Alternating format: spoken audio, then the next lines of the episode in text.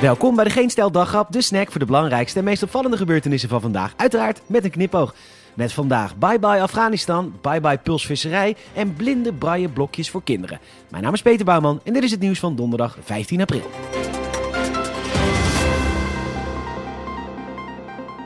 Vandaag was er weer een RIVM-briefing in de Tweede Kamer. En jawel, we moeten in mei anderhalf miljoen prikken per week kunnen zetten op 140 locaties, al dus het AD.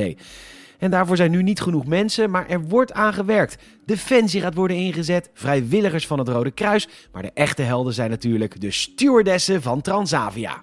Er is een deal gemaakt met de maatschappij voor hulp. Yes! Er wordt out of the box gedacht. Wat fijn! Goedemorgen mevrouw Van Putten, mijn naam is Antwan Zaanstra en ik ben vandaag uw purser op GGD-vaccinatiestraat GD109. Namens prikvrouw Jannie, gezagvoerder Jaap van Dissel en zijn bemanning heet ik u van harte welkom aan boord van deze priklocatie. De verwachte prikduur bedraagt 90 seconden en een controletijd van 15 minuten. Ik maak u erop attent dat roken tijdens deze prik niet is toegestaan. Mevrouw, u bent zojuist geprikt in Heer Waard. De lokale tijd is 5 over 9 en de temperatuur is laag. Namens prikvrouw Jannie en de hele bemanning wil ik u bedanken dat u bij ons geprikt heeft. En we zien u graag terug bij een volgende pandemie.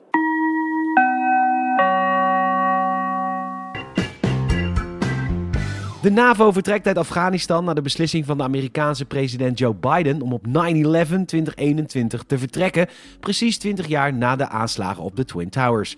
Op dit moment zijn er nog 160 Nederlandse militairen actief en die gaan dus binnenkort naar huis. Daarvoor worden nog wel 80 Nederlanders uitgezonden om te helpen met de troepenaftocht, dat meldt de NOS. In grote delen van het land is de Taliban inmiddels weer aan de macht en die zijn nog steeds niet in gesprek met de Afghaanse regering. Volgens demissionair minister van Defensie Bijleveld zijn er wel degelijk onderdelen van de missie geslaagd. Het land is geen uitvalsbasis meer voor terroristen die aanslagen plegen in onze hoofdsteden. De positie van vrouwen is verbeterd, de levensverwachting is omhoog gegaan en de kindersterfte is gedaald. Ook zijn er 300.000 Afghaanse militairen opgeleid en die wensen we de komende tijd heel veel sterkte. Het Hof van Justitie vindt dat pulskoorvisserij verboden moet blijven. Dat belt Omroep Flevoland. Het is een manier van vissen waar veel bedrijven in Nederland op hadden ingezet. Waar het vissen nu geschiet met grote netten die over de bodem worden gesleept, is dat bij pulskoorvissen niet het geval. Vis wordt opgeschikt middels een elektrische stroomstoot, waardoor de netten niet meer over de bodem hoeven te slepen en dus minder van de zeebodem slopen. Bovendien kost het veel minder brandstof en dus CO2-uitstoot. En hoewel ook overbevissing middels pulsvissen schadelijk is, biedt het volgens de Nederlandse vissers, die er veel in geïnvesteerd hebben, een vriendelijker alternatief voor de wereld. Echter, veel landen hebben behoorlijk tegen deze innovatie gelobbyd, omdat vissers in landen als Frankrijk helemaal niet willen vernieuwen. En daar gaat het Hof van Justitie nu mee in.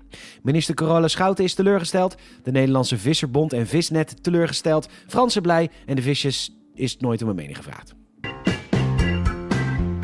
Niet alleen in Nederland gaat het vaccinatieprogramma stroperig, ook in België gaat het niet heel hard. En dus besloot de Vlaming KN Ransbotin, hoop dat ik het goed uitspreek, naar Amerika te vliegen voor een vaccin. De Telegraaf tekent dat op. Hij meldde zich bij een willekeurig vaccinatiecentrum in Las Vegas en 24 uur later werd hij geprikt met Moderna. Natuurlijk kan niet iedereen het, hij heeft een Amerikaans visum, maar het geeft het verschil wel weer goed weer op zijn 42e levensjaar. Hij baalt wel een beetje van de pauze die is gezet bij de Janssen-vaccins, want nu moet hij nog een keer terug. Ook geen ramp lijkt zo, want hij heeft vele restaurants bezocht en zelfs een poolparty meegemaakt. Want volgens hem is bijna iedereen daar gevaccineerd. Inmiddels is hij terug in België en moet hij een week in quarantaine met een vaccin op zak. Zelden zo trots geweest een Europeaan te zijn.